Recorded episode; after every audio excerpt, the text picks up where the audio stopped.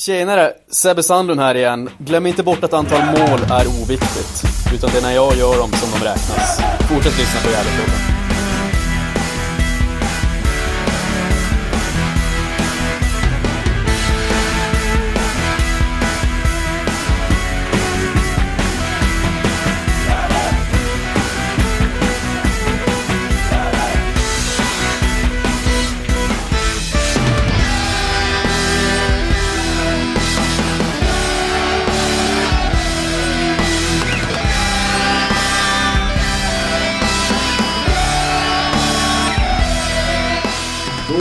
Hälsar vi alla lyssnare välkommen till Gävlepodden.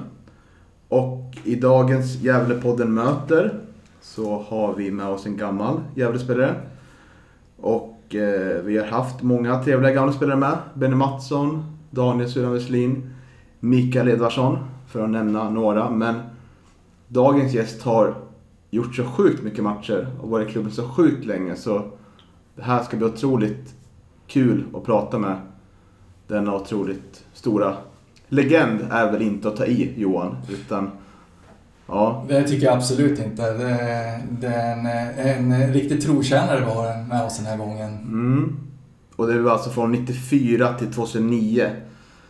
389 matcher, eh, 16 raka säsonger då och eh, 36 mål. Välkommen Johannes Eriksson. Tack så mycket. Hur känns det att vara med här? Nej, det, det känns roligt, spännande att få prova på det här. Mm. Har du lyssnat på oss någonting tidigare? Ja, jo, jag har hört eh, en del avsnitt faktiskt. Det har jag gjort, absolut. Så eh, jag har hört en del gamla lagkamrater och andra som jag har pratat med. Ja, jättekul. Vad, sa de något intressant eller satt de och ljög? Nej, det, det stämmer nog det mesta. Nej, det var en hel del intressant. Roligt att lyssna på. Mm. Vi kom in lite här på, innan vi började spela in, på brevbärarrollen som du har och har fortfarande. Du vart ju ganska mycket känd som eh, att spela fotboll och vara brevbärare samtidigt. Lite som många i det tidiga Gävle, när vi gick upp i Allsvenskan, var ju eh, deltidsarbetare samtidigt. Eh, och så. Hur skulle du säga, om vi börjar där, att, eh, hur gick det att kombinera rollen som brevbärare och fotbollsspelare på ganska hög fotbollsnivå? Jo, det, det gick bra. Det, vad hette det, att eh, man hade förstående arbetsgivare och så, så gick det bra att kombinera faktiskt. Eh, vi fick eh, pussla med lite tider hit och dit och sådär och man kunde åka och jobba efter någon förmiddagsträning eller att man jobbar på under, under dagen och sen träna på eftermiddagarna. Det var ju lite olika beroende på vilken serie det var naturligtvis. När det var allsvenskan vart det ju svårare att jobba och tidigare serierna så jobbar man i stort sett heltid och sen träna. Så det var ju olika på så sätt. Men det, det funkar bra, det gjorde det. Jag tror att eh, Mikael Edvardsson var som var inne på det, att han tyckte att det var, vet du att han tyckte väl att kanske att du till och med hade nytta av, av det här med, med att vara brevbärare och liksom cykla och springa och trappor och sådär. Att, att, eh, du kom lite peppad till träningarna sådär. Kan det stämma det? Ja, jo men det, så kan det vara, absolut. Men samtidigt så eh, eh kunde det vara tufft vissa dagar också naturligtvis. Så det var ju både och. Men jag menar, i början eh, när jag kom till GIF, då var det ju så för de allra flesta. Alltså, ja, antingen pluggar man eller ja, jobba, så var det ju. Eh, och sen som sagt i Allsvenskan vart det ju lite olika och Superettan också kanske lite andra lösningar men från början var det ju så att alla hade jobb eller skola innan träning på eftermiddagen. Liksom. Halv fem tror jag ofta vi hade då. Mm. Vi hade ju med oss Daniel Moffat för några månader sedan. Också en bomullskille precis som dig. Och eh, du berättade här innan vi började spela att du har ju fortfarande bomullsdistriktet som ditt område när du cyklar runt. Finns det någon mardrömsrunda där som man tänker, åh nej, nu kommer den här med mycket backar och man får ligga mycket på bromsen och inte kan rulla sådär.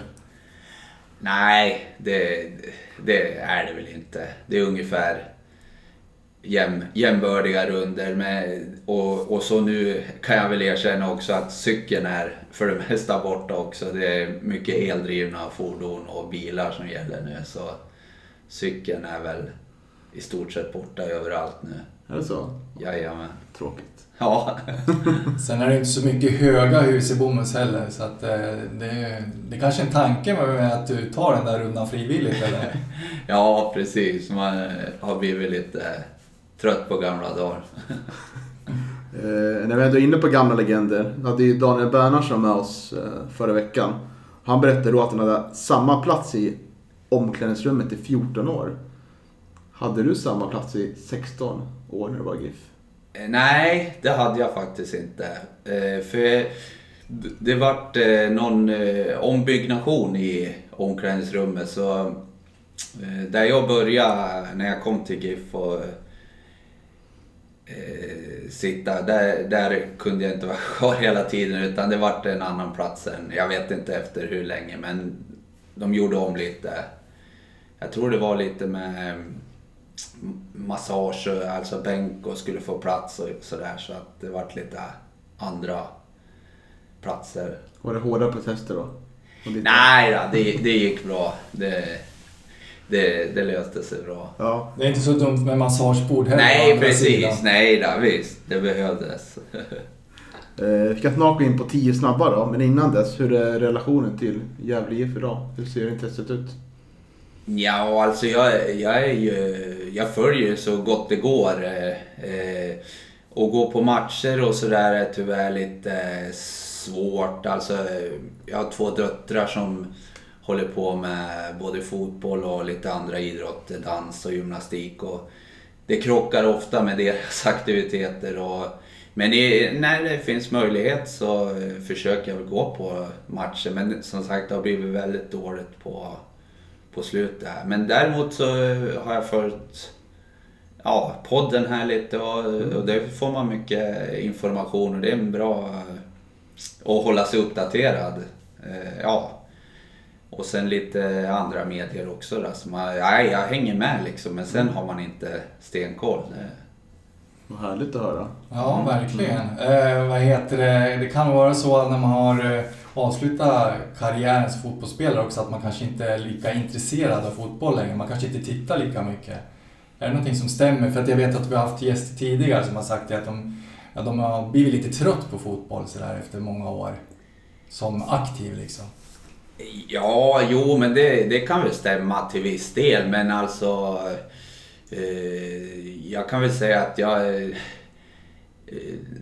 följer ganska mycket fotboll liksom via TV och sådär och, och de lokala lagen här. Det gör jag absolut. Eh, och, men sen också mina döttrar här nu då, när de spelar och så, så försöker man ju följa dem i första hand då, så att säga. Och även andra idrotter som de gör och aktiviteter. Och det, det liksom tar ju sin tid så, så det är det som är i främsta rummet. Men sen absolut, jag försöker följa fotboll när man har möjlighet till det. Så är det. Mm, döttrarna då, vad- vilket lag spelar de i? Det är i Huge. Det är nära och bra där i Bomhus och de har kompisar där i laget så det passar bra för oss nu. Mm, ganska naturligt. Ja, Vilken, vilken ålder är du på? eh, de är 8 och 11 år. Mm. Så Då har vi de, 10 år i Gifta kanske. ja, precis. Ja, får se. Okej, vi går in på 10 snabba då och då får du två stycken eh, alternativ att välja mellan.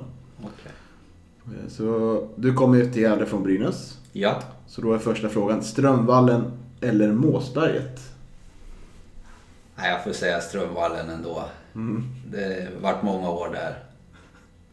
Okej, levande eller brinnande bock? Levande. Mm. Mm. Någon speciell motivering? Nej, men eh, det är ju kul att den får stå kvar tycker jag. Mm. Det, det, är, det är ett, liksom ett stort eh, eh, varumärke för Gävle ändå. Så, ja. Men samtidigt när den brinner blir det ju mycket publicitet på det sättet också. Så det är både och det där. Men, Får gärna brinna efter jul kanske. ja, men precis. Mm. precis. Kompromiss. Ja. Ja, precis. Okej, Gävlebockens öl eller Mackmyra whisky? Oj, du, nej, du, det kan jag säga inget av det. För eh, det har jag klarat mig bra utan. Och, eh, och, nej, men det, det är säkert bra bägge två men för min del så Mm. är det inget av det. Det är helt okej. Ja. Långboll i Gavlån eller sitta bakom en pelare på K-märkta läktaren vid Strömvallen en hel match? Det här var den bästa tror jag. ja. Nej, jag tror en lång boll i Gavlån. De flesta väljer den av någon anledning, Ja. jag förstår inte. Kanske kommer någon gång det blir sitta bakom det där. Ja, det skulle vara väldigt kul faktiskt. Ja, det är inte för sent än. Nej. Så kvar där. Ja. Okej, en musikfråga. ja. Konsert med Thomas Di Leva eller Gävle Metal Festival? Nej, då tror jag tar det leva. Det, jag, jag tror något, något år där, någon säsong, att vi hade det den, eller kanske var fler, Mm, som någon ingångs... eh, Och den ja, var helt okej. liksom. Det var- väl den här... eh, Vad är det han har? Vi har bara varandra. Ja, det var nog den. Undrar om det inte var den. Ja, så Mm. det... Nej, det vill inte leva. Pratade ni någonting om det i omklädningsrummet? Om Ingmars låt? Nej, men jag tror att eh, när den var, eh, det leva där, att det var lite snack. Det, det var väl lite roligt att han liksom var jävla bördig. Och även att han till och med, tror jag, eh, spelade i GIF. Har jag för mig att jag har hört på. Och de visar någon lagbild. Ja, när han Ja, men det stämmer Ja, jag, jag tror det. Ja. Mm. Jag tror hans bror spelade också i, i Gävle faktiskt. Ja, Hans okej. lillebror. Mm. Okej. Ja, nej, det... Ja. Okej. Sörby IP eller Andersbergs IP? Ja, för mig har det varit Andersbergs IP. eh, Men nu eh, vet jag, nu säger väl de flesta Sörby IP, men för mig, mig har det varit Andersbergs IP. Det var, hänger med sen gammalt där liksom. Så. Ja, det är väl rätt svar kan man säga. Det är det enda som är rätt svar. Men Daniel Berntsson förstod inte frågan riktigt. Han trodde det. Jag visste inte att det hade ändrats. Det var lite roligt. Ja, okej. Men han är från Årsunda så Ja. lite koll. Okej. Nu är det en Daniel-fråga. Okej. Daniel Moffat eller Daniel Westlin? Oj, oj, oj. ja. eh, Ja, jag får säga Daniel Moffat. Jag växte ju upp med honom på eh, samma gata faktiskt. Så vi är, eh, alltså vi spelar jättemycket fotboll tillsammans. Bodde bara, ja, 50 meter ifrån varandra ett tag där Mm. under uppväxtåren. Så vi, och, och så har vi en fotbollsplan på, bakom där jag bor. Och, och jag bor eh, nästan där nu också. Men d- där jag växte upp där, så att säga. Så där spelar vi jättemycket. Och Ytterbom bodde där. Närheten. Reval. Så det var många i samma eh, krets. Ja, Mm. precis. Han var ganska givet val då faktiskt. Ja, syrran är bra han också men... Från man-. Ja.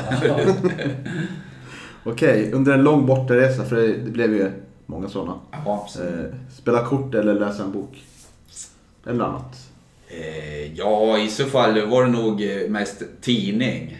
Jag eh, eh, visste att det varit kort någon gång men oftast alltså, eh, som en rutin så köpte jag alltid en tidning. Och, så det, det är väl det som är det bästa svaret. Bok var lite sämre med det faktiskt. Ja, Jag hörde ju det att det var en så stor idé att spela kort i alla fall för det var Ytterbom som vann jämt. Så att, Ja, han var eh, duktig. Ja, absolut. Nej, jag, jag var inte med särskilt ofta med kortspelandet, men Ytterbom var, det var, vet jag, han var duktig. och Bernhard sa att han mest sov, va? Ja. Visst var det så? Ja, precis. Ja, men det, det gjorde jag också en hel del. Så, ja. Hade du någon du satt bredvid alltid? Nej, of, oftast var det att vi hade ett eget. Vi hade bestämda platser i bussen och så hade man ja, två säten då, så att säga. Så, så det, så var det. Mm. Schysst. Ja. Okej, sista då. Ja. Allan Svensson som brevbärare i Svensson Svensson. Hiss eller diss? Nej, jag får säga hiss. Det var lite roliga avsnitt ibland som Ja. man kunde skratta åt. Ja, det är inte oftast brevbärare porträtteras i, i, så här, i media. Men där, det är det man kommer ihåg av brevbärare. Ja, ja men absolut. Det Han var ju en stolt brevbärare också. Så att, Ja. han, eh, han eh, gav väl ganska bra liksom, reklam för brevbäraryrket ändå, måste jag ju säga. Ja, absolut. Okej, grymt. Uh, om vi ska börja då. Kom till GIF 94. Eh, hur gick det till? Eh, nej men det var ju, vad heter det, det var ju Stefan Lundin som var tränare då. Och eh, jag spelade i Brynäs. Eh, och de var ju och tittade på eh, lokala matcher mycket. Det, det visste man ju om och hade väl koll på vilka som var aktuella för deras trupp och så, sådär. Och jag vet att eh, vi i Brynäs vann ju division 4 92. Och redan då eh, ville GIF ville att jag skulle gå över till dem 93, alltså inför den säsongen. Eh, men då, ja jag funderade ju på det naturligtvis. Och, eh, men eh, då kände jag att spela division 3 där i med Brynäs A-lagsfotboll gentemot kanske då, förmodligen kanske att spela junior. Även fast de låg i en bra eh, juniorserie naturligtvis, Gifta. Men ja, i alla fall fundera hit och dit så då bestämde jag mig för att spela kvar i trean det året då, i Brynäs. Så det, det ångrar jag inte utan det var tuffa matcher liksom mot seniorspelare när man var själv 16-17 år liksom och sådär. Så. Men sen var det året efter att GIF kontaktade igen. Och sen under året där 93, jag tror jag var och tränade lite sådär ändå liksom och kände på det och sådär lite. Vi kom fram till någon bra lösning. Det var ju Anders Berg som var tränare i Brynäs. Så de hade ju lite bra kontakt med GIF och sådär så, så vi hade en bra lösning där så det vart bra. Mm. Anders Berg som är ungdomsansvarig nu för Gävle. Precis, precis. Såg han faktiskt idag när jag cyklade hem. Okej. Ja. Ja. Också en legend. ja, verkligen. Och eh, division 1 norra var det då, 94. Ja, Eh, stämmer. Som är väl eh, nuvarande eh, samma division som vi är nu va? Typ tror jag. Division 3 kan man säga. Eller tredje divisionen. Ja det, ja, det var ju division 1 norra och södra liksom Ja. då. Eh, Det fanns ju inte superettan. Så eh, ja, hur man definierar det men eh, det var ju division 1 norra och södra där då. Så. Ja, det var det som gällde då. Vad kommer du ihåg från säsongen 94? Ja, då...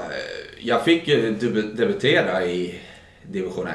Det kommer jag ihåg. Och, och om jag inte minns... Ja, jag fick hoppa in någon match ganska tidigt. Ja, bland de första matcherna. Men sen, om jag inte minns helt fel så... eh, Första matchen från start var Kiruna borta. Oj. Och så här på vågkanten eh, åka upp dit. Och, och det var liksom snö i luften. Man, ja. Nej, men jag har för mig att det var den som vart eh, första från start. Så, men det vart, vart inte många matcher, varken 94 eller 95. Utan det var, eh, ja, man, ja det tar ju tid att liksom från att komma in i saker och ting. Så. Mm. Men några matcher fick man känna på och sådär så det var lärorikt. Och sen var det ju bra matcher i, i reservlagsserien då. Vi mötte ju många allsvenska reservlag så man fick ju på den, de matcherna fick man ju bra och tuff matchning så att säga. Det var många, jag kommer ihåg det var många bra, liksom det var Degerfors, Örebro och de hade ju bra lag, alltså bra stora trupper så det var ju tuffa motståndare för oss att åka runt och spela liksom. Så det var bra matcher. Mm. Eh, var du ordinarie, eller var, du, var du innermittfältare det året när du hoppade in och spelade? Ja, det var det. Vi, vi spelade väl... Då eh, har jag för mig att eh, Stefan spelade 4-3-3.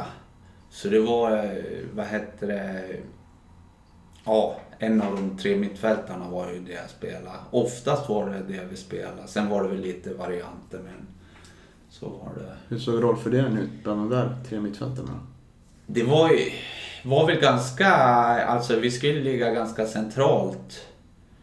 Eh, sen att den centrala skulle väl mer fördela bollarna men eh, från utgångsläge var det ganska centralt och sen att forwards eh, var mer som yttrar och en centerforward vill jag minnas.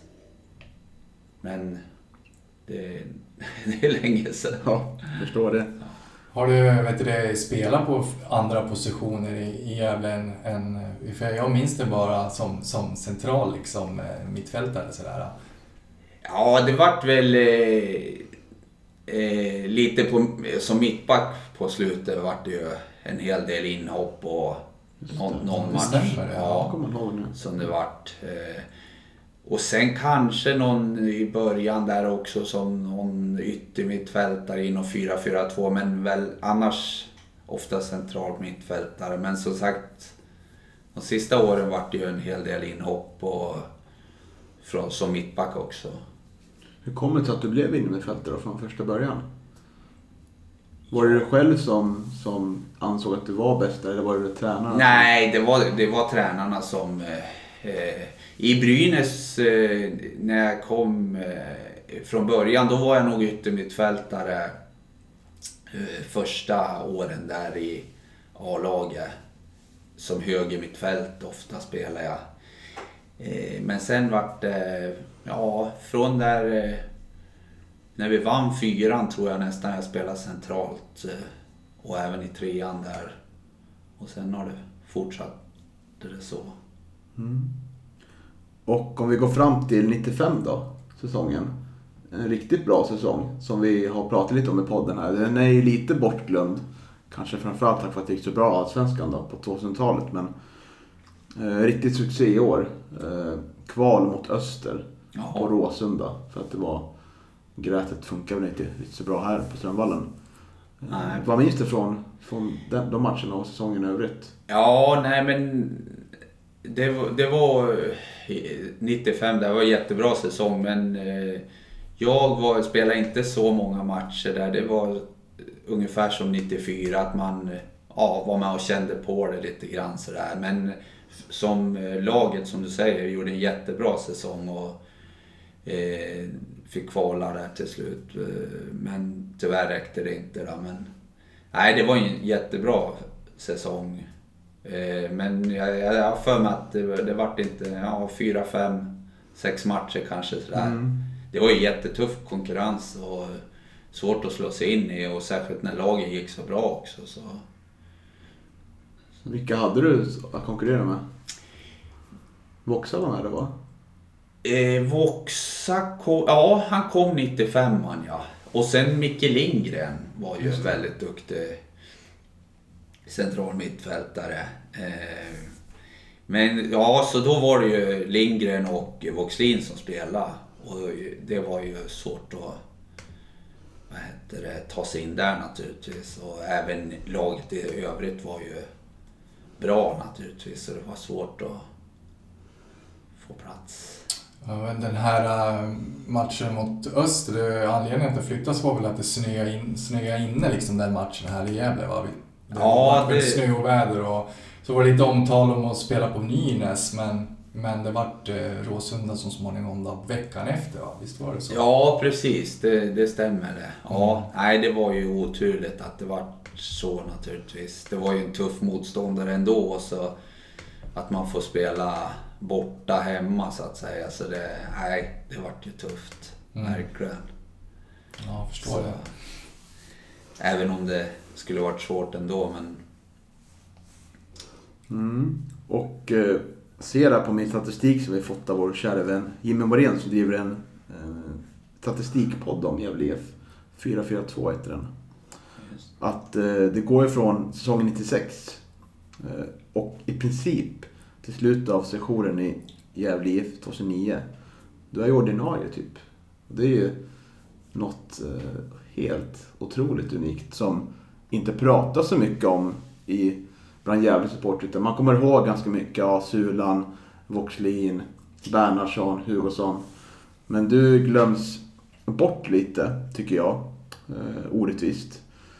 När det ändå har varit så pass stor del av det här laget som har gått från att vara ett lag ganska långt ner i divisionerna till att vara ett lag som klarar sig kvar år efter år i Allsvenskan. Vad, mycket frågor, mycket, mycket resonemang, men, första frågan då.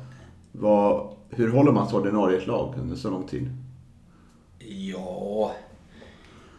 Eh, ja, nej men det är väl eh, först och främst att man har haft, eh, hållit sig skadefri relativt. Eh, jag har inte haft några eh, allvarligare skador liksom.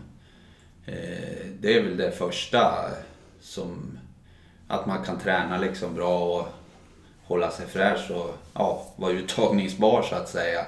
Jag hade ett problem eh, mm, som var lite jobbigt med rygg och höft ett tag. Som, ja, det, var, det var lite struligt där och jag hade, kunde inte träna riktigt mellan matcherna ibland och fick mycket behandling. Och ja, fick ta någon spruta också vet jag för att det skulle liksom eh, ge med sig. För det var ett eh, problem där. Men annars så har jag ja, klarat mig bra liksom utöver det. så Små grejer bara sådär så.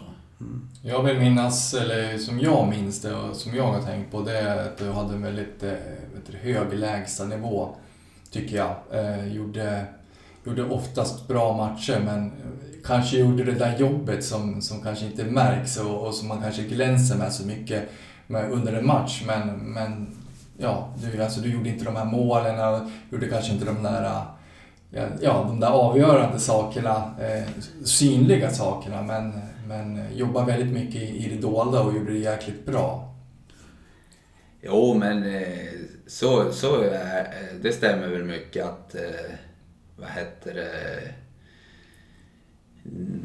ja, det var, det var en bra sammanfattning så. Men alltså jag känner att jag har fått mycket liksom, eh, ja, uppskattning för det jag har gjort i både bland eh, tränare och lagkamrater och ja, media och andra folk så har jag fått mycket beröm så ändå. Så mm. det är ingenting sånt som man Eh, Vad skönt. Är det, svår, är det svårt att få beröm kanske? Ja, så det är det väl också. Men alltså, nej utan det, det känns...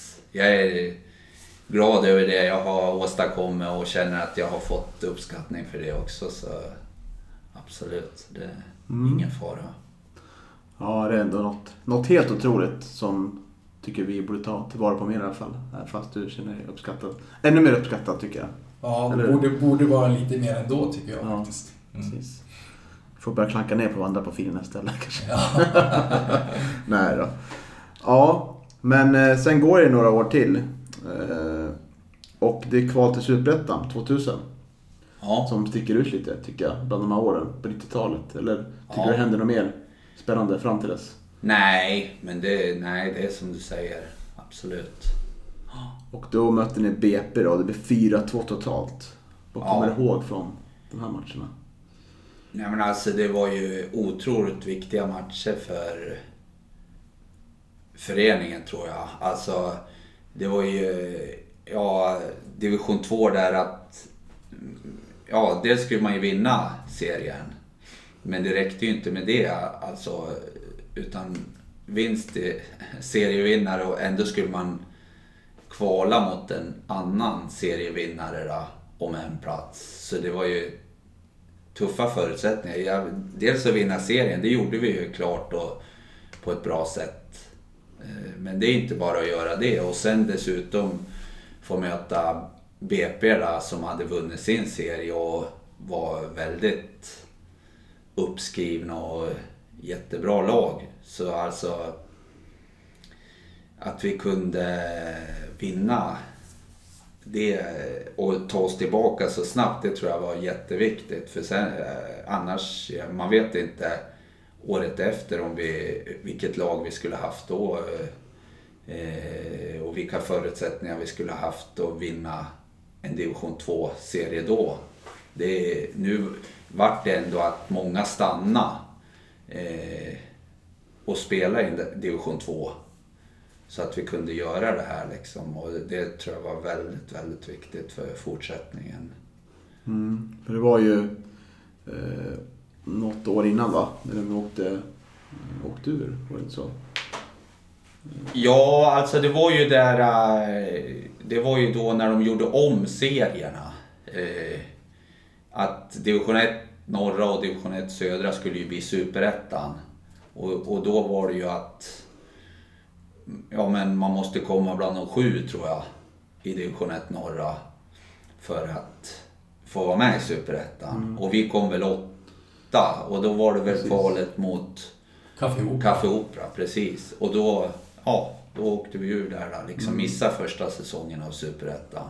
Hur, hur gjorde ni för att ta er tillbaka då tror du? Varför, var, varför stannade så många?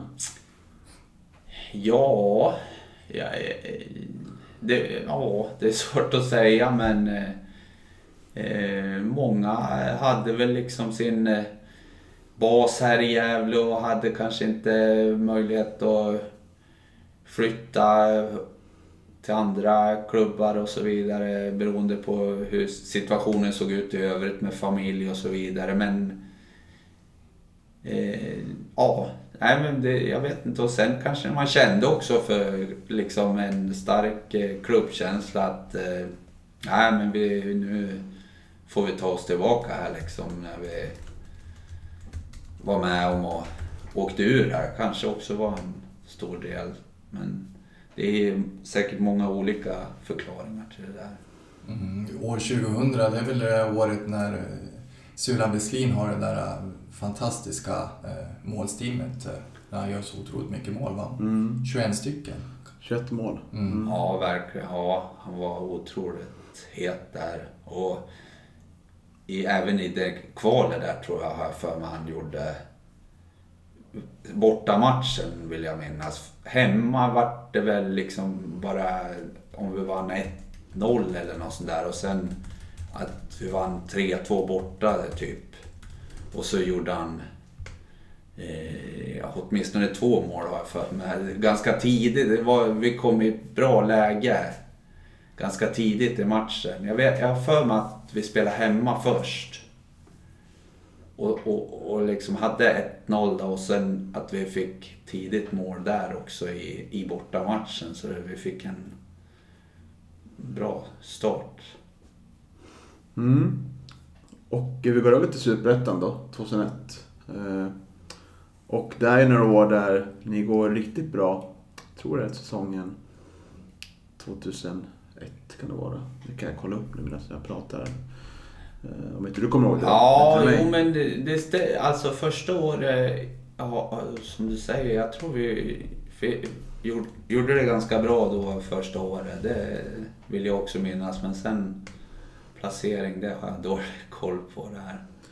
Jo, ni kommer faktiskt fyra och en poäng till kvalplats. Okej, det var så pass. Ja, riktigt, riktigt bra år. Medan det året efter eh, inte alls gick så bra. Det klassiska andra året som man brukar säga. Ja, precis. Det andra året är alltid svårast. Ja, Mm, för då var det en poäng från att åka ur Superettan. okej. Ja. Eh, Har du några minnen från de här åren? Var det som Johan säger, att man blev liksom... Alla kunde liksom Gävle IF andra året. Det som händer mycket runt i, i världen liksom. Sheffield United, Premier League, året vunnit match på åtta matcher. exempelvis. Nej, ja, ja, men så kan det vara absolut. Jag, jag, alltså, jag, första säsongen där vill jag komma ihåg lite liksom att det gick bra. Det, men jag trodde inte det gick så där bra som att vi var nära att kvala uppåt. Men jag vet att vi jag fick en bra start där har jag för mig. Och liksom, ja, vi red vidare på det där. Men andra säsongen, jag dåligt vad det var som gjorde att vi... Men det kan ligga mycket i det att ja, lagen hade lärt sig lite hur vi spelade och sådär. Att det var lite... Första året att det var lite ny, nytt lag som kom upp som hade dålig koll på, kanske inte hade samma respekt för heller. Jag vet inte. Mm. Det kan säkert vara något sånt. Det är lite, det beror ju oftast, det är, det är ju ganska komplext det där också. Det kan ju handla om vad man har för, för man, trupp och man kan ju, det handlar ju mycket om, om, om det är skador och sånt inblandade. absolut. så att, eh, jag, jag kan tänka mig att det är svårt att minnas Ja, men hur det precis. var. Det, det, det är ett tag sedan så... Nej, jag har ingen bra svar på det. Hur skulle du säga att din roll i omklädningsrummet har, har förändrats under de här 16 åren? För du har ju mött otroligt många olika spelare eh, i omklädningsrummet. I och för sig var det ganska många som spelade kobra ganska länge som det också men jag tänker att som, som person förändras man ju beroende på vilka personer man har i sin närhet och vilken idé som kommer. Jo, jo, visst är det så, absolut. Jag menar, när jag kom där i början på eh, 90-talet, där 94 liksom, då...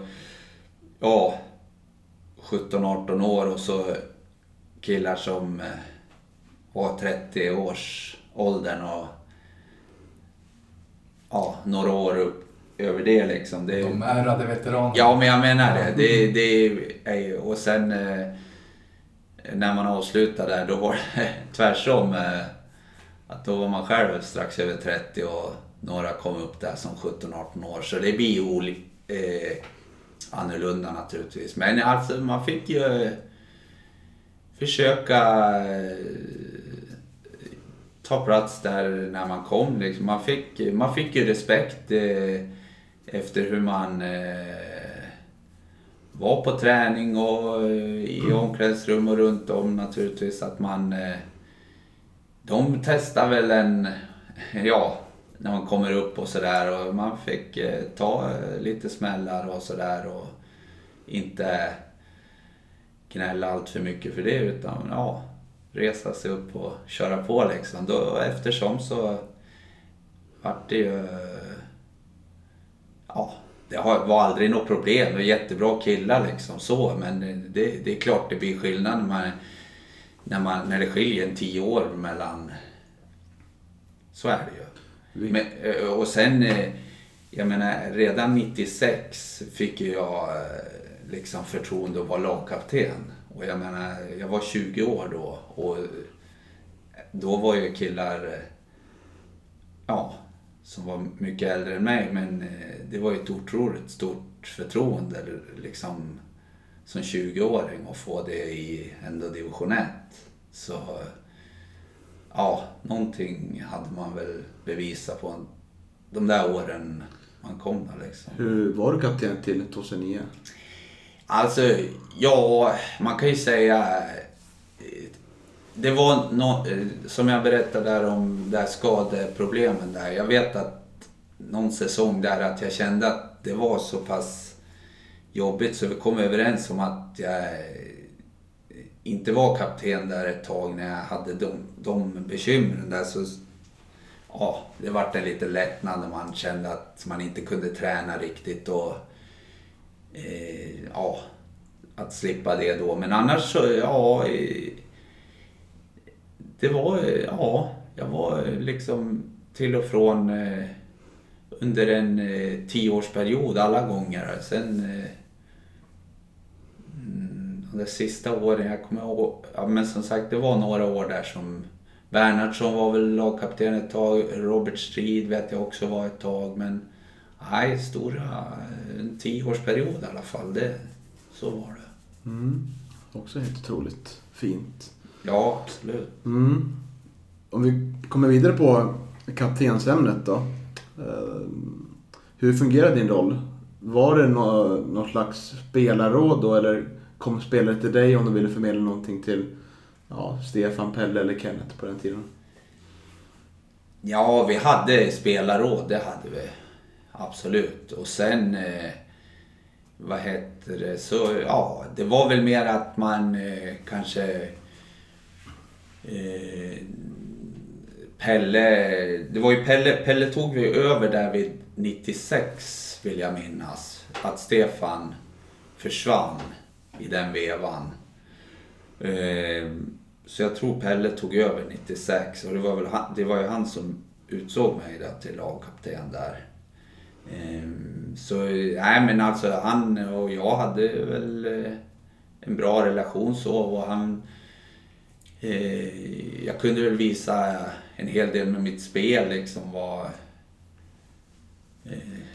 Vad, vad Pelle och ledarna ville få ut Sora. och, och sen som sagt eh, hade vi spelarråd och jag eh, som lagkapten också att vi kunde ja, förmedla om det var någonting från spelarhåll eller tvärtom så att säga. Det var många andra än mig som vi löste det tillsammans.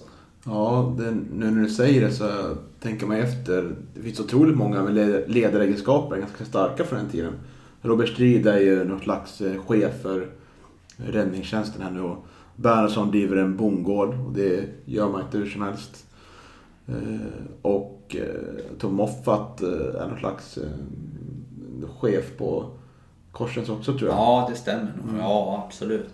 absolut. Och ja, Voxlin driver paddelklubb och, och sådär. Så ja. otroligt stark kollektiv. Ja, visst. Absolut. Säger kanske en del om Gävle på den tiden och kanske säger en hel del om varför ni nådde Allsvenskan också. Att det, det fanns många ledare, vinnarskallar i, i Gävle Eh, under den tiden där i början på, på 2000-talet kanske. Mm. Vad skulle du säga är viktiga ledaregenskaper? Vad tänkte du på när du var lagkapten? Ja, att man, man liksom kollar av läget med hur... Ja, med lagkompisar och lite så. Hur...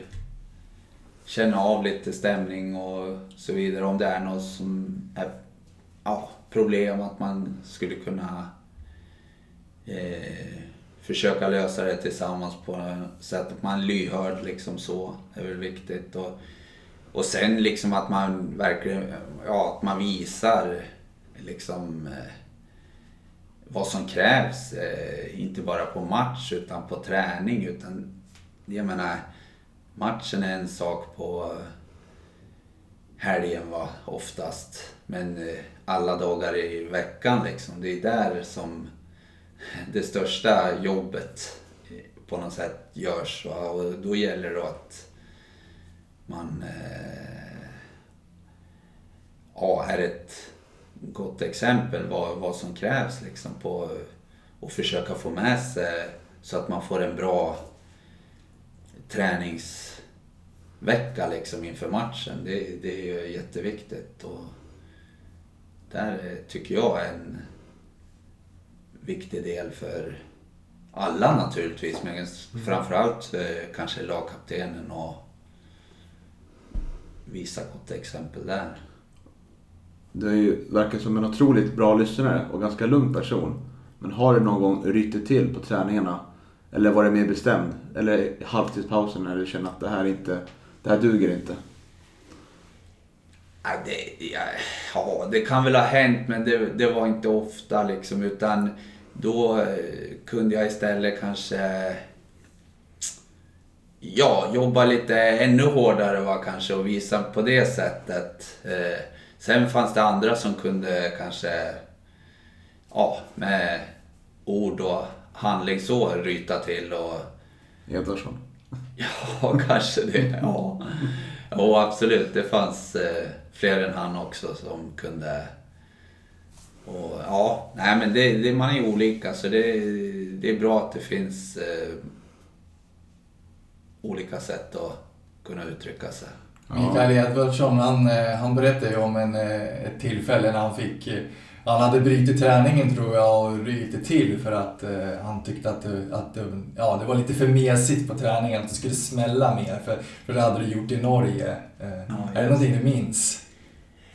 Nej, inte så på rak arm eller, men eh, det, det kan säkert stämma men inget som jag kommer ihåg eller. Eh, också, Sulan har ju berättat själv att han inte tyckte om att träna så mycket så du kanske var nära att säga till Sulan lite får du höja, höja ja. arbetsmoralen Ja, precis. Mm. Ska vi in på lite mål? Jag kommer ihåg från, du, du har gjort en del mål men det är inte så många jag kommer ihåg men det är ju några som, har, som sitter fast i minnet där och det är dels eh, första året i Allsvenskan då. Som är ett otroligt trevligt år i övrigt. Men för dig personligen, då mötte ni Sundsvall uppe. Eh, Ja, på Norrport Arena. Eh, som det hette då, tror jag. Eh, och det ösregnar ner. otroligt. Och inget tak heller och sådär. Och du går upp på hörnan, sista som händer, och gör 2-2. Det är otroligt trevlig händelse. Kommer du ihåg det? Ja, det, det, det kommer jag ihåg faktiskt. Det, det stämmer det. Ja, ja, det var...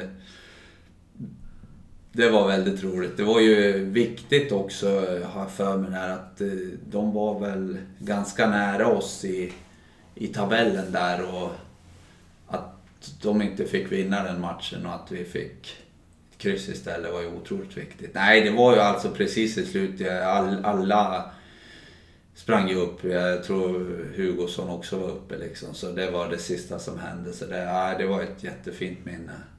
Ja, var var han bra på, på huvudet, Hugosson? Ja, det vet jag inte om han var särskilt vass på huvudet men... Nej, han var där uppe och tog väl upp någon markering alla fall. Ja, han, är, han har inte så bra eh, huvudspel överlag. Med, han hoppar upp det. Det kunde vara lite svajigt ibland, kommer ihåg. Malmö-matchen där de ligger nummer 3-0, då höll han ju på Ja, flög ut i det. ja, Det är otroligt viktigt mål det där mot GIF Sundsvall i alla fall. För det är ju, det är ju den eviga kampen, den eviga diskussionen om vilket som är det bästa GIF. Nu vet jag att vi, vi kanske får någon från Sundsvall på oss för att eh, det är ju, det är ju väldigt... eh, Kan, vissa kan bli väldigt irriterade över att, att vi kallar oss för GIF här nere. De tycker att de är det enda och det, det riktiga GIF. Men vi är ju ändå äldst. vi är ju ändå äldst så att... eh, de är gymnaster från början. Jag har bara en sån sak. Ja. okej. Jag har ingenting mot gymnaster men... Nej, men mot GIF Sundsvall har vi lite emot. Ja, det gör vi. Ja. Vi gillar Benny Mattsson dock, det gör vi. ja precis. Och Jon Eriksson. Ja, Jon Eriksson också, absolut. Lite Erik Larsson. Ja, lite i alla fall. Ja.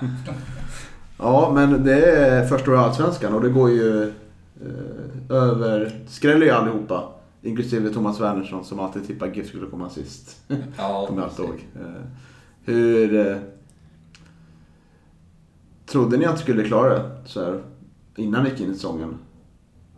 U- Alltså utåt sett säger man att vi kommer klara det, men hur var känslan innan, innan, innan laget? Så att, kändes det som att ja, det här kommer vi klara galant eller ja, det här kan bli lite svårt ändå? Ja, jo men visst var det väl en ganska stor osäkerhet eh, vad som krävdes och så i Allsvenskan. Det, det, var ju det var ju inte många som hade spelat i Allsvenskan liksom, i våran trupp så det är klart det var ett nytt äventyr så. Men vi hade stark tro på oss själva, absolut. Och det, så vi hade absolut tron att vi skulle klara oss. Det, men sen visste vi att det skulle bli tufft liksom. Att det, varje match krävdes ja, jättestort jobb för att ens ta poäng liksom. Och det gick ju ganska långt där. Det var ju typ eh, fjärde matchen tror jag. Det var ju tre raka förluster och fjärde matchen blev ju hemmamatch mot, jag säger alltid fel, jag tror det var assyriska tror jag det var. Ja, det stämmer nog. Det var inte ja. Syrianska som jag sa i någon podd tidigare. Nej, Eh, nej, men det Men då var det ju vinst då. Så det kändes som att då liksom släppte liksom de här premiärnerverna som var i några matcher. Ja, jo men precis. Ja, vi hade en tuff start så eh, det, ja, det var jätteviktigt att vi kunde vinna där. Det var det. Det var väl en tuff eh, liksom, start eh, redan på försäsongen kan man väl säga när- eftersom Kenneth hade gått bort kanske. Hur, hur kände ni kring det då?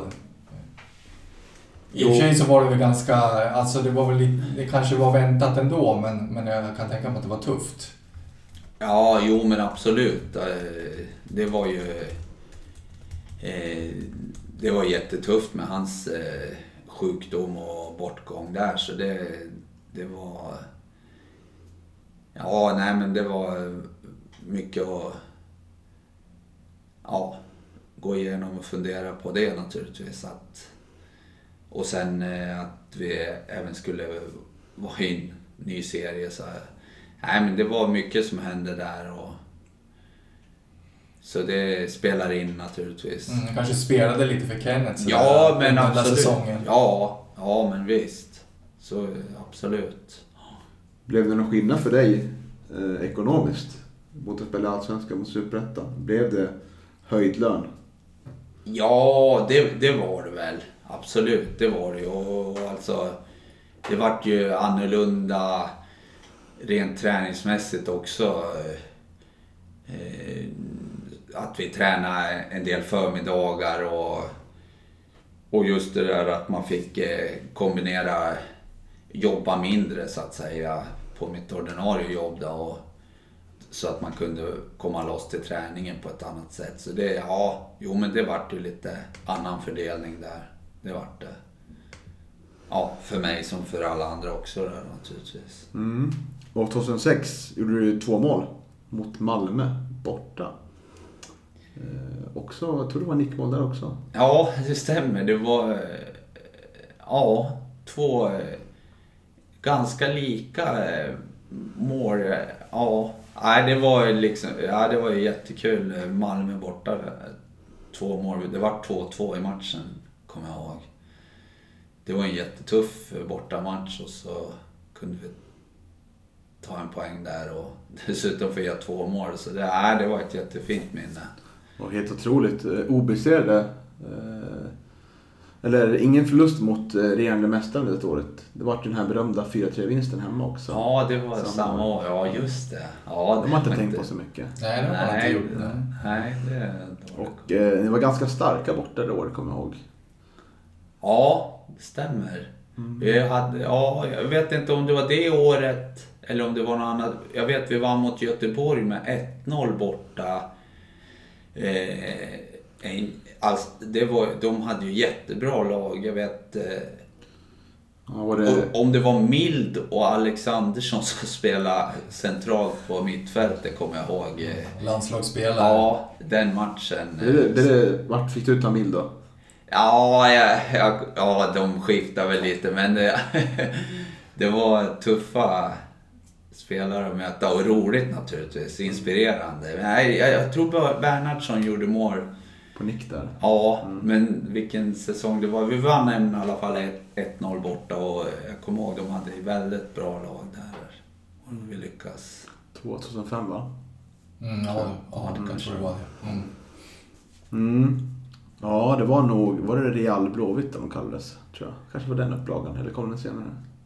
Ja, jag törs inte säga, men jag vet de hade namnkunnigt. Nu kommer jag ihåg de där, eh, att de, eftersom man mötte dem mest där då. eh, Men jag tror de hade ganska bra i övrigt också faktiskt. Jag tror faktiskt det var Malmö som kallades för Real Malmö. Ja, så kan det vara. Ja, för att de hade så otroligt bra lag. Och, eh, Ja, det här eh, året 2006 och eh, ni, ni liksom, ja, ni tog poäng i båda matcherna mot dem då. Och vann och spelade oavgjort. Mm. Ja, precis. Jo, de hade jättebra lag de också. Det var ju... Ja, vad heter det? Toivonen var ju med, Rosenberg. Det var... Han var väl ganska, ja, i början på sin karriär då, Rosenberg tror jag. Och lika Toivonen också. Och sen undrar om inte, jag vet inte hur det var, men jag tror nästan Patrik Andersson var med och liksom skulle, kom hem något år där och skulle spela. Men sen att han kanske inte, att han var, att det inte höll riktigt med kroppen och sådär. Men han, jag har för mig att han också var med, i alla fall i eh, bortamatch, någon bortamatch där. Han var nog aldrig med till Gävle men Mm. så de hade mycket Mm. namnkunniga. Bra lag helt enkelt. Ja, Kort och gott. Ja. Och sen kommer jag ihåg eh, 2007, 1-1 mot Elfsborg borta. Ni hade ju otroligt fin år i Elfsborg där. Ja, verkligen. Eh, Mot ett Elfsborg som var ganska bra och spelförande under de här åren. Verkligen. Eh, Hur lyckas ni bestiga det berget i Borås? Ja, nej, det var, det var tufft. eh, För som du säger, de hade jättebra lag och så eh, spelade de väldigt snabbt där på konstgräs. eh. Man hade, ja, vattnade och så att det gick väl riktigt fort där. Och, nej, men vi hade bra resultat där och ja, vi, vi fick till eh, riktigt bra och, och kunde kontra några gånger där eller någon fast situation så kanske gjorde första mål ibland också så eh, vad heter det, fick vi ligga rätt sen. och, och, ja, nej men det, vi hade bra. Men det var ju jättetuffa och jobbiga matcher, det kommer jag ihåg.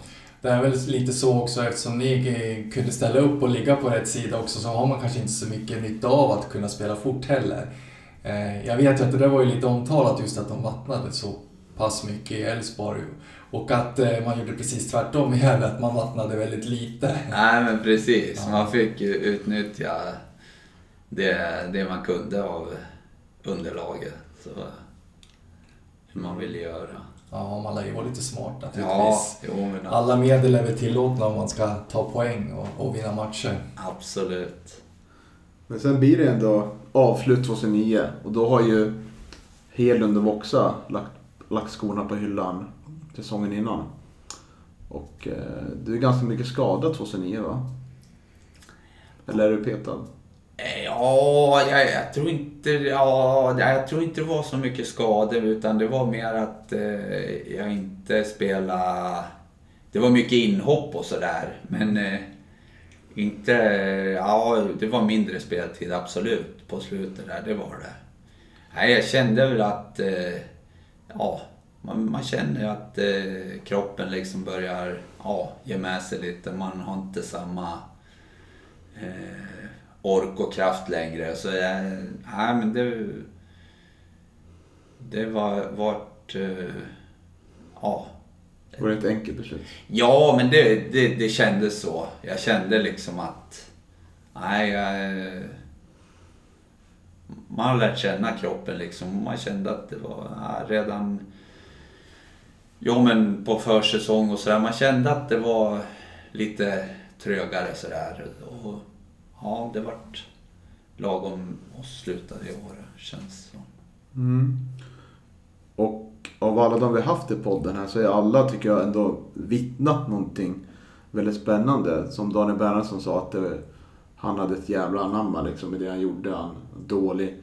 Eller han, han ville inte förlora liksom. Eh, och eh, Ederson också så här, riktigt bra arbetsmoral och sånt. Och det känns som ni gemensamt under den här tiden liksom med Helund och Strid och Hugo och Suran så här, byggde en klubbkultur att när vi går till träningarna här eller matcherna då ger vi allt liksom. Det är inget slarv och sånt. Och det är någonting, tror jag, som är väldigt svårt kanske att bygga idag liksom. Om inte man sätter samma spelare år ut och år in som tar tillvara på det här.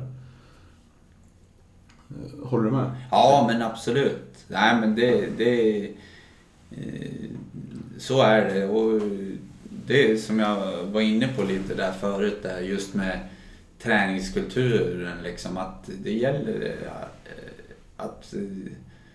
Ja, men bara för att ja, men det är träning. Det måste liksom vara det går inte bara att komma ut till match va, om man inte har gjort det jobbet under veckan. Det är det liksom måste...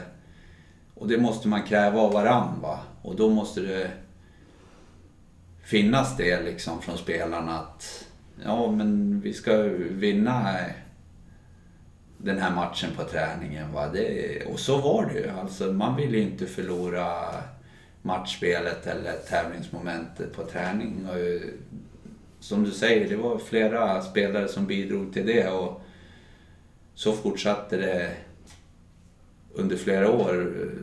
Spelare som kom in, jag menar kom in från andra större lag kanske. Jag menar där gick det inte heller att ja, fuska på träning eller så utan det var liksom eh, och det märkte de kanske även här i Gävle att nej, men här också vill folk liksom vinna och göra bra träningar. Och det är jätteviktigt att det hålls efter och från ledarhåll och spelarhåll så att man får den där eh, tuffa vardagen för att kunna göra bra på matcherna. Det är otroligt viktigt att det finns eh, spelare och ledare som håller efter det där. För annars ja, fallerar det, eh, det syns på matchen så att säga. Och jag tänker att det är också en... Att det blir så här bra, det här jävla IF-laget de här åren. Det är, tror jag för att det, det är många spelare i, från närområdet. Som är uppväxta i staden Gävle och runt om. Som verkligen liksom har det här engagemanget för, ja, för staden och, eh, och eh, laget Gävle IF. Att det liksom, man svettas samman då. Och kanske ger det här 10% extra på matcherna. För att man, det är folk faktiskt som känner en som går och kollar. Och det snackas om en på jobbet om man gör en dålig match. Att, ja, varför, varför gjorde du en dålig match för? Så här. Man vill visa upp sig extra mer tror jag. Ja, men så absolut, så kan det vara. Absolut.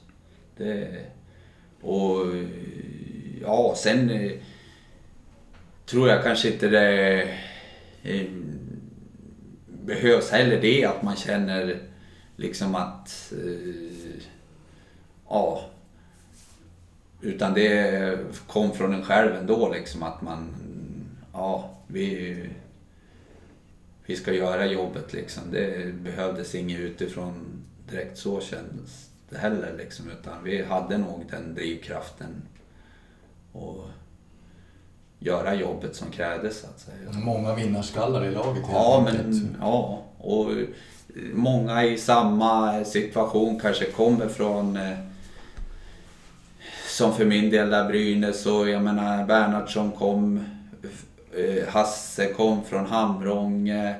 Du har många liksom eh, klubbar som har i närområdet här runt omkring som har häm- ja, som GIF har hämtat spelare från under den där perioden. Och eh, det, det kanske är, det är inte på samma sätt, eh, det är svårare nu för att eh, nu, då var det många division 3-lag, division 4, alltså det fanns fler potentiella spelare att ta upp till ett stadens elitlag om man säger. Och sen, ja, när vi, då var det division 1 och superettan och sådär. Ja, man såg ju, det kommer spelare från mindre lag och får spela med GIF. Och liksom, ja, såg ju yngre killar som kom fram och att ja, det finns en möjlighet liksom.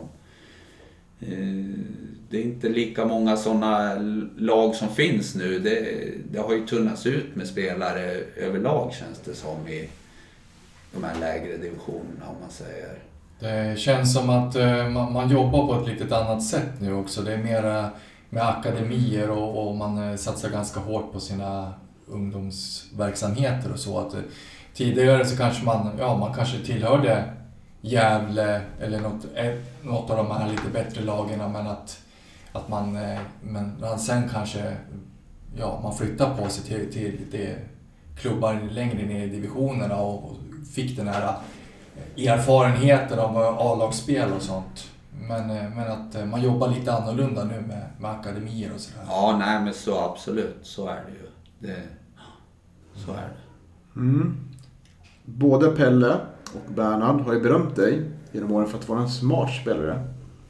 Skulle du säga att det stämmer? Ja, det, det får man väl hoppas då, om de har sagt det. Nej men, eh, det försökte man väl vara. Eh, ja. Läsa spelet och ligga rätt och tänka ett steg före sådär kanske. Det, det försökte man väl. Jag tänker att man klarar sig ganska långt på bra spelförståelse för att ligga rätt och sådär.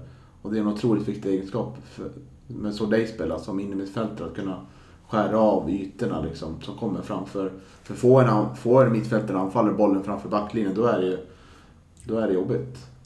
Ja, jo men absolut. Visst är det. Det är en jätteviktig del att kunna läsa spelet, verkligen. Mm. Mm.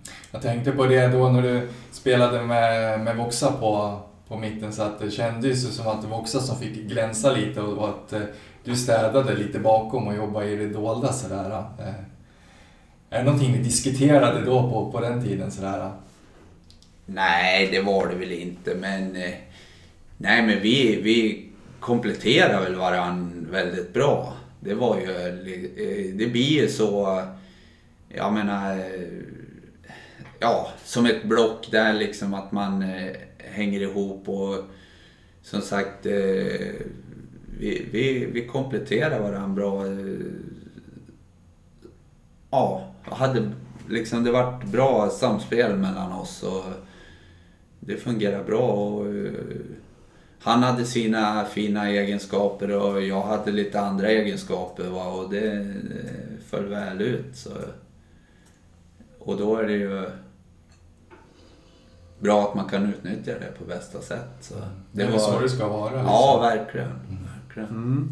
Jag tänker att vi ska snart gå igenom en axplock av innermittfältare som du har spelat med genom åren. Får du säga en liten kort om det. Men innan dess, vilken är den bästa spelaren du har spelat med? Som dyker upp så här på direkten. Ja... Det har flyter ganska många bra under 16 år. Ja visst, det har ju varit väldigt många duktiga spelare så det är svårt att, att säga som är absolut bästa. Men ja, ja, alltså Voxlin är ju, han var ju duktig, jättebra spelare så jag får säga honom. Eh, nej, det, det var ju jättekul att få spela så nära honom och se eh, hur duktig han var och är liksom. Så det... Nej men jag får säga Mattias där för... Mm. Det är väl ett väldigt bra val tycker Ja. jag. jag. Jag kan nog faktiskt inte komma på någon bättre jag heller. Nej. Nej. Nej, han har, var jätteduktig Ja. genom alla år där. Och, så nej, det var ära att få spela med honom. Mm. Och det är ju fa- faktiskt första namnet här genom innermittfältarna genom åren. Det är ju Mattias Voxlin. Mm. Och ni samarbetar nu så pass, så pass många år. Ehm, Hade ni någon speciell eh, kommunikation eller metod som gjorde att det funkade så bra som det gjorde eh, under alla dessa år? Ni lär ju ha känt varandra utan till till slut. Ja, nej, alltså vi behövde inte eh, ha någon direkt, utan vi visste vad vi hade varann. Ganska, ja, efter ett tag där när vi hade spelat en del matcher tillsammans, det, det liksom klaffade ganska direkt där. Och sen, jag menar, ju mer vi spelade, det, det, vi behövde inte direkt ha några speciella grejer så, utan vi visste vad vi hade varandra. liksom. Så ja, det, det kändes Mm. Mm. Vi går vidare till nästa mittfältare då. Marcus Hansson. Vad har du att säga om honom? Ja, alltså jag spelar väl inte jättemycket med Marcus men eh, det, han kom ju fram som en yngre killspelare där. Eh, och, och han var, hade ju en väldigt eh, bra fysik. Kraftfull och eh, så. Det är väl det mest jag kommer ihåg från. Sen hade han väl det problem med skador tyvärr där. Men han var ja, fy, fysiskt eh, stark liksom redan när han kom fram. Och sen gick han ju vidare. Till Brann va? Ja, just det. Precis. Det var det Tromsö? Ja, det kan det nog. Ja, någonstans, det kan ja. ja. Norge, men- Norge i alla Ja, fall. precis. Så, ja, jag har lite dålig koll sen vad som hände där. Men eh, jag spelar inte så jättemycket med honom faktiskt. Josef Chipsa. Ja, han, det var, han var jätteduktig. När man, när man märkte, alltså han var ju, när han kom var han väl inte riktigt van vid det svenska spelet. Men efter han hade lärt sig det så, ja han hade ju det mesta som behövdes liksom. Han var tuff, eh, ja, stark trots att han var liten och kvick och nej, han, hade, han var en komplett, komplett eh, mittfältare måste jag säga. Efter inskolningsperioden så att säga. Mm. Och han gick ju vidare och gjorde bra ifrån sig i Djurgården där. Och, ja, nej, en jättebra spelare. Den bästa av de tre Ghananerna under GIF den här tiden då får man säga. Ja, Vi hade Kår och Zachary Abdelai ja men precis, absolut. Alright, Johan Claesson. Var inte klubben så länge när han var några år. eh, början av Allsvenskan där. Ja, ja, han var ju väldigt eh, allround. Han kunde ju spela eh, som yttermittfältare också och användes ju ofta som det. Eh, I början när han kom, vill jag minnas. Ja, vänsterytter. Ja, precis. Eh, så, men han kunde även spela centralt. Nej, men det jag kommer ihåg att han var liksom... Ja, behärskade det mesta. Kanske inte hade något... Ja, bra på många saker så att säga. Ingen spetsegenskap kanske, utan men duktig på det mesta som behövdes. Och som sagt kunde spela även yttermittfältare. Så bra. Det var lite sådana spelare som eh, Pelle gillade att värva också som kunde användas på, på många positioner. Ja. Och jag, jag vet ju att han, han var ganska duktig där ute till vänster i vissa matcher. Han vek gärna in och Ja. han gjorde några fina mål också när han liksom placerade bollen i bortre. Ganska bra inlägg bortre- också, Ja, va? ganska Ja. bra inlägg Ja, också. men absolut. Jag Ja. vet att han, han liksom klev in ifrån från vänsterkanten och använde högerfoten och Ja. la, la in något i krysset där i någon match. Och, Och eh, är ju aktuell idag. Han jobbar ju i förbundet mot eh, matchfixning tror jag. ja, Just det. Tror jag. Mm. Och eh, nu kommer en gammal goding, favorit. Josef Engiol. Ja, ja just det. Minns du honom? Jo, det kommer jag ihåg. Absolut. Och eh, om jag minns rätt så var det en match där mot Örgryte 2005 borta. Och jag tror att det var du och Josef Engiol som kamperade ihop. Okej. Kommer Ja, jag jag, kommer inte ihåg det, men det är möjligt.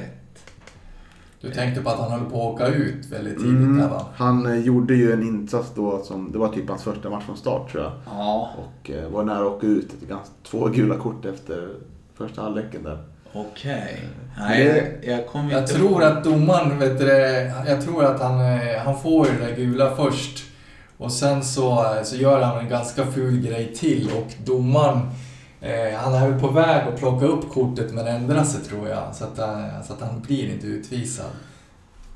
Okej, mig. nej, jag, jag, jag kommer inte ihåg det måste jag Du säga. var utbytt efter 44 minuter, så kanske därför du inte kommer ihåg. Jaså?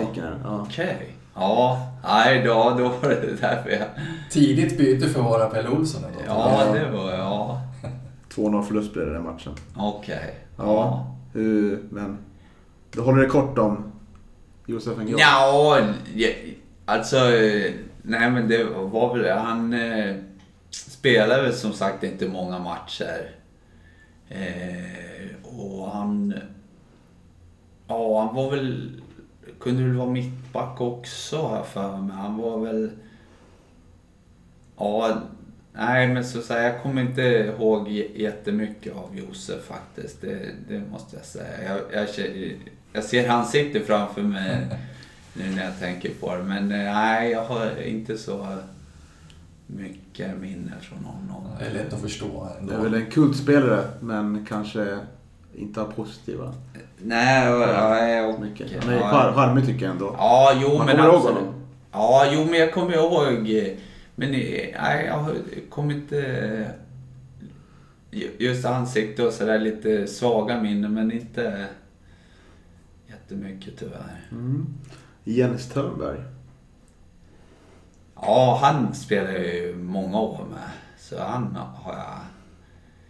Kommer jag ihåg mycket. Han var ju ja, ytterback, yttermittfältare. Eh, ja, väldigt bra eh, fys. Alltså han kunde springa hur mycket som helst och hade bra ork och ja, var användbar som sagt både i backlinjen och mitt, mittfältare. Ofta på kanten. Eh, ja, trevlig, alltid glad och hade mycket upptåg på gång så det här. Nej, han kommer jag ihåg bra. Nu var det länge sedan jag stötte på honom men Ja, jag hittade faktiskt av en slump eh, gamla lagbilder på hans Facebook-sida här. okej. 2000-2001. Otroligt fina matchtröjor med stor krage och, och lo- loggan på bröstet också. Tycker jag är väldigt fint. Ja, Har du kvar någon gammal matchtröja från den tiden hemma? Ja, eh, jag fick, eller ja, det var väl från slutet där, de sista åren. Jag fick ju någon, en, en, eh, ja den vita och en ljusblå fick jag där i samband med när jag slutade tror jag. och Sådär. Och så var det någon också, jag vet, som gick sönder någon match tidigare som jag också fick. eh, Vad snällt. Ja, precis. Det var någon som drog sönder där som jag också fick. Så jag har någon i alla fall. Ja, det var, var det någon i motståndarlag som hade slitit sönder eller var det någon som hade slitit av den i frustration över en förlust? Josef Engeol kanske? ja. Nej, jag tror det vart att det var någon motståndare som drog in som gick sönder. Den, den. Ja, det var, här var det på tiden då man inte fick behålla sin matcher efter säsongen utan åka över och återvända kanske. Ja, det, så var det. det. Det gick nog i ja, några ungdomslag som skulle ha dem och så vidare. ja, några hänger i min garderob hemma också. Ja, men inte Ja. ja. Rariteter. Verkligen, ja, verkligen. Ja. Ja, kan du sälja om privatekonomin går i kras? Ja, exakt. Ja, Mikael Edvardsson då? Vad vill du säga om denna gigant? Ja, Edvardsson, ja men eh, det var ju också ja, hårt jobbande men även eh, ja, det är bra teknik och väldigt fin högerfot. Eh, det är väl det, alltså han kunde ju spela centralt, han kunde spela höger mittfältare. Han var användbar också på en del positioner och ja, duktig spelare, tuff spelare att möta. Kunde ju springa hur mycket som helst också. Så, nej, det var en, och bra och kille att ha i laget. Mm. Absolut. Har du kontakt med någon av de här eh, gamla spelarna? Inte nödvändigtvis de här utan... Nej, jag har väl inte så mycket kontakt med någon sådär. Utan, ah, det, är, det är Moffat eh, som jag stöter på lite där. Han är ju tränare i Huges eh, damlag och jag är ju en del där på kastvallen med också. Då. Så det, det är honom jag träffar på. Det är väl, ja, Ja, för han är ju där ganska ofta och det blir att jag också är där. Så det är väl honom som man stöter på mest. Sen händer det att man träffar andra sådär lite, men det är inte så ofta.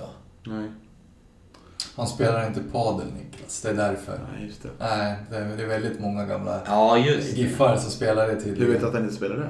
Ja, Nej, jag gör- det förstod jag ju nästan eftersom han sa att han inte hade kontakt med så många just nu. Nej, nej, jag gör inte det faktiskt. Att kränka. Tänk om han hade spelat jättebra. Så. Ja, exakt. Nej, jag misstänkte nästan att det var så.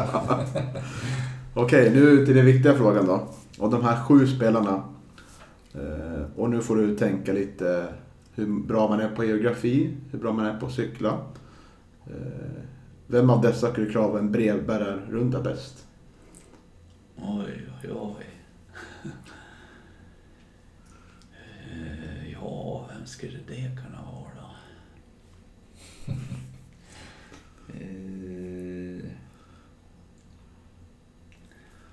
Någon som har bra, det är bra lokalsinne känns som en. Ja, precis. Ja du.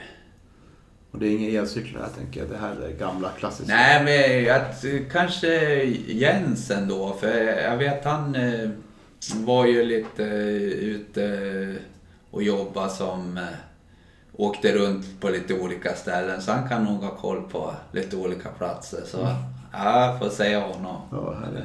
Och känns som att sämst kanske. Ja. Kanske blir Josef Chipsa.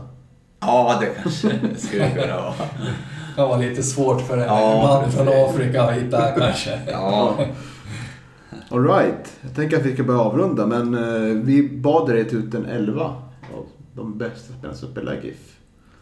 Hur har arbetet gått med det? ja det, det var svårt. Det, ja, det, det är ju så otroligt många spelare så, att välja bland. Så det, det var inte lätt. eh, det känns som det finns många på varje position man Mm. skulle kunna ta. Men, ja, men jag har gjort ett försök så... Målvaktsposten är väl inget Nej, det, Den var enkel ja, kanske. det kändes väl som ganska givet att Hugosson Mm. otroligt bra genom alla år där så det, det var väl ganska givet.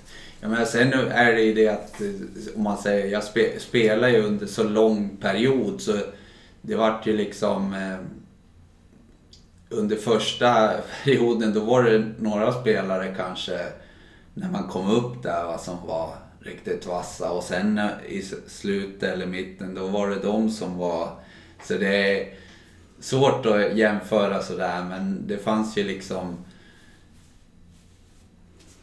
Ja, många på, under olika perioder. Mm. Men eh, som eh, backar där, jag, men, Reval var ju med under många år när jag spelade och han var ju alltid stabil där. Vill du ha någon som mittback då eller? Nej, jag ser han mest som högerback. Mm. Eh, som jag tänker där. Ja. Mm. Stabil och, och ja. Så det, eh, mittbackar fanns det ju enormt många att välja på. Men ja, jag, jag kan... eh, Hedlund kom ju samma år som mig och han eh, känns som ett bra val. Och även Magnus Wikström tyckte jag var otroligt bra. Mm. Så de två tillsammans där. Men jag menar, det finns ju som sagt väldigt många att välja på. Mm. Andra där också. Men nej, men Magnus och Thomas där. Och på vänsterbacken så tycker jag att eh,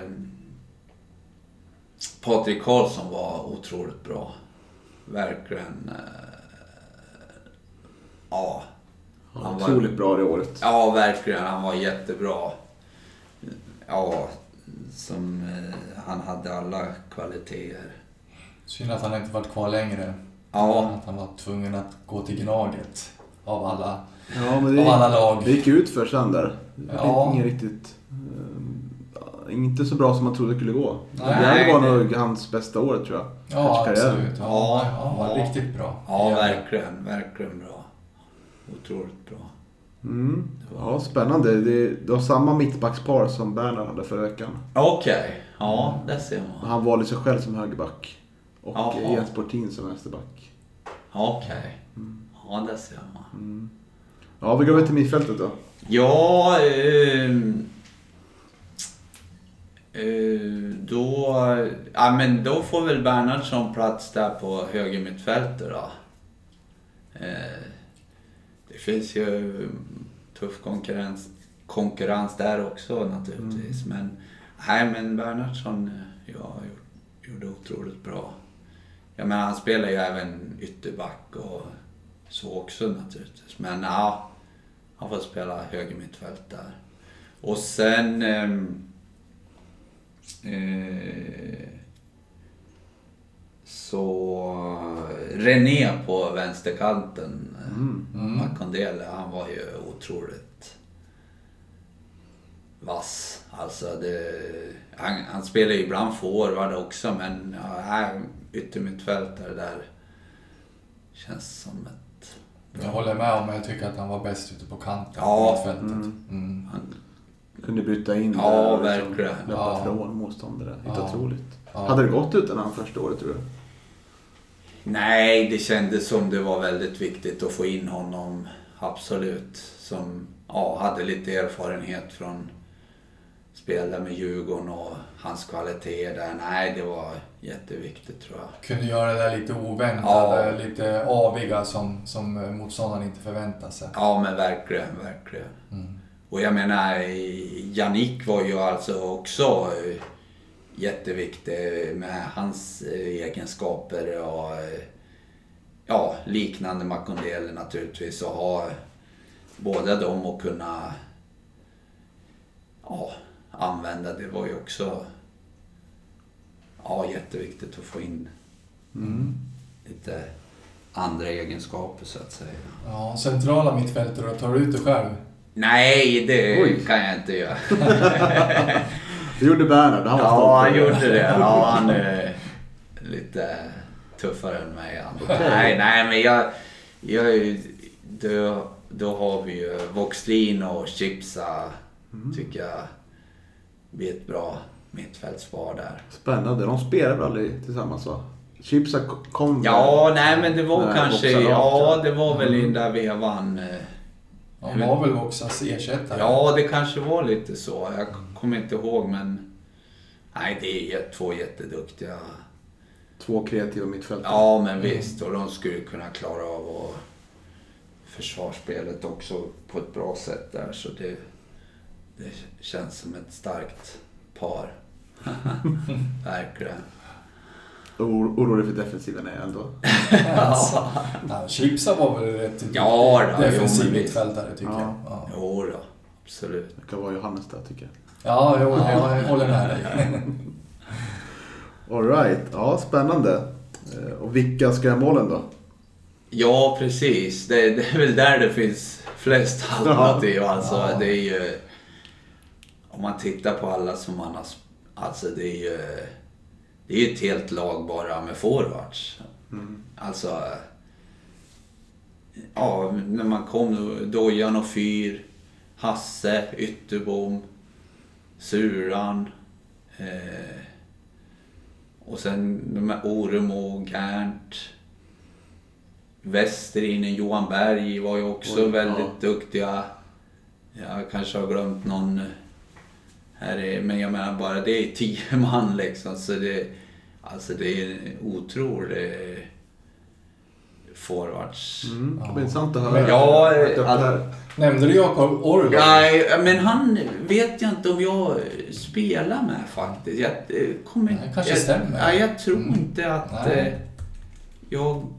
Eventuellt att han... Ja, på, s- att han var med och... Nej, jag, Nej, han kom 2010. Ja, ja precis. Ja. Ja, du, men ja, du ser det kommer ännu fler. Ja, då blir det svårt att ta ut Ja, men precis. Det, ja, nej men alltså... Mm. Och sen var ju vissa liksom under kortare perioder också, sen försvann till, gjorde sån succé så de försvann ganska snabbt sådär men... Eh, Hasse och jag kom ju samma år. Eh, och det tog, var, var lika för honom som för mig att det tog något år innan. Han hade ju dojan och fyr framför sig innan han slog igenom. Men Hasse tycker jag väl kan få en plats där uppe. Och eh, sen, ja, vem ska man välja där också? Det är jättesvårt. Dojan var också vass där tycker jag. Så ja, vi säger Hasse och Dojan. Men som sagt, det är jättesvårt. Intressant anfallspar, Ja. måste jag säga. Mm. Otroligt. Tungt anfallsspel. Verkligen. Ja. Ja. Nej, det var jättesvårt. Väldigt många bra spelare att välja på. Så. Det blir väldigt många när man har gjort så Ja, många men säsonger. absolut. Så det är nästan omöjligt, men ja. Och nu ska du göra en topplista på alla. Ja, precis. Så, så. Ska vi inte ta på en onsdagkväll här. Nej. Men om man säger i sina bästa dagar då? Hur skulle det här laget stå sig i en allsvensk säsong? Var skulle man kunna hamna tror du? Ja du. Ja, jag tror att eh, skulle kunna... Ja, mitt i någonstans kanske. Mm. Eh, ja, och så jag menar så har du en stark trupp i övrigt också med alla namn som inte kommer här. Så, Är du med på bänken då? Ja, men det kan jag väl få vara med någonstans där. i- Hoppar in och avgör. Ja, jag menar det. Ja, men kul! Stort tack Johannes för att du tog dig tid att vara med i podden här. Det var otroligt intressant och lärorikt att höra gamla fina historier och, och sådär. Ja, verkligen. Jättekul att du kunde komma hit och ställa upp och vara med i podden. Ja, tack själva. Det var roligt att få vara med. Mm.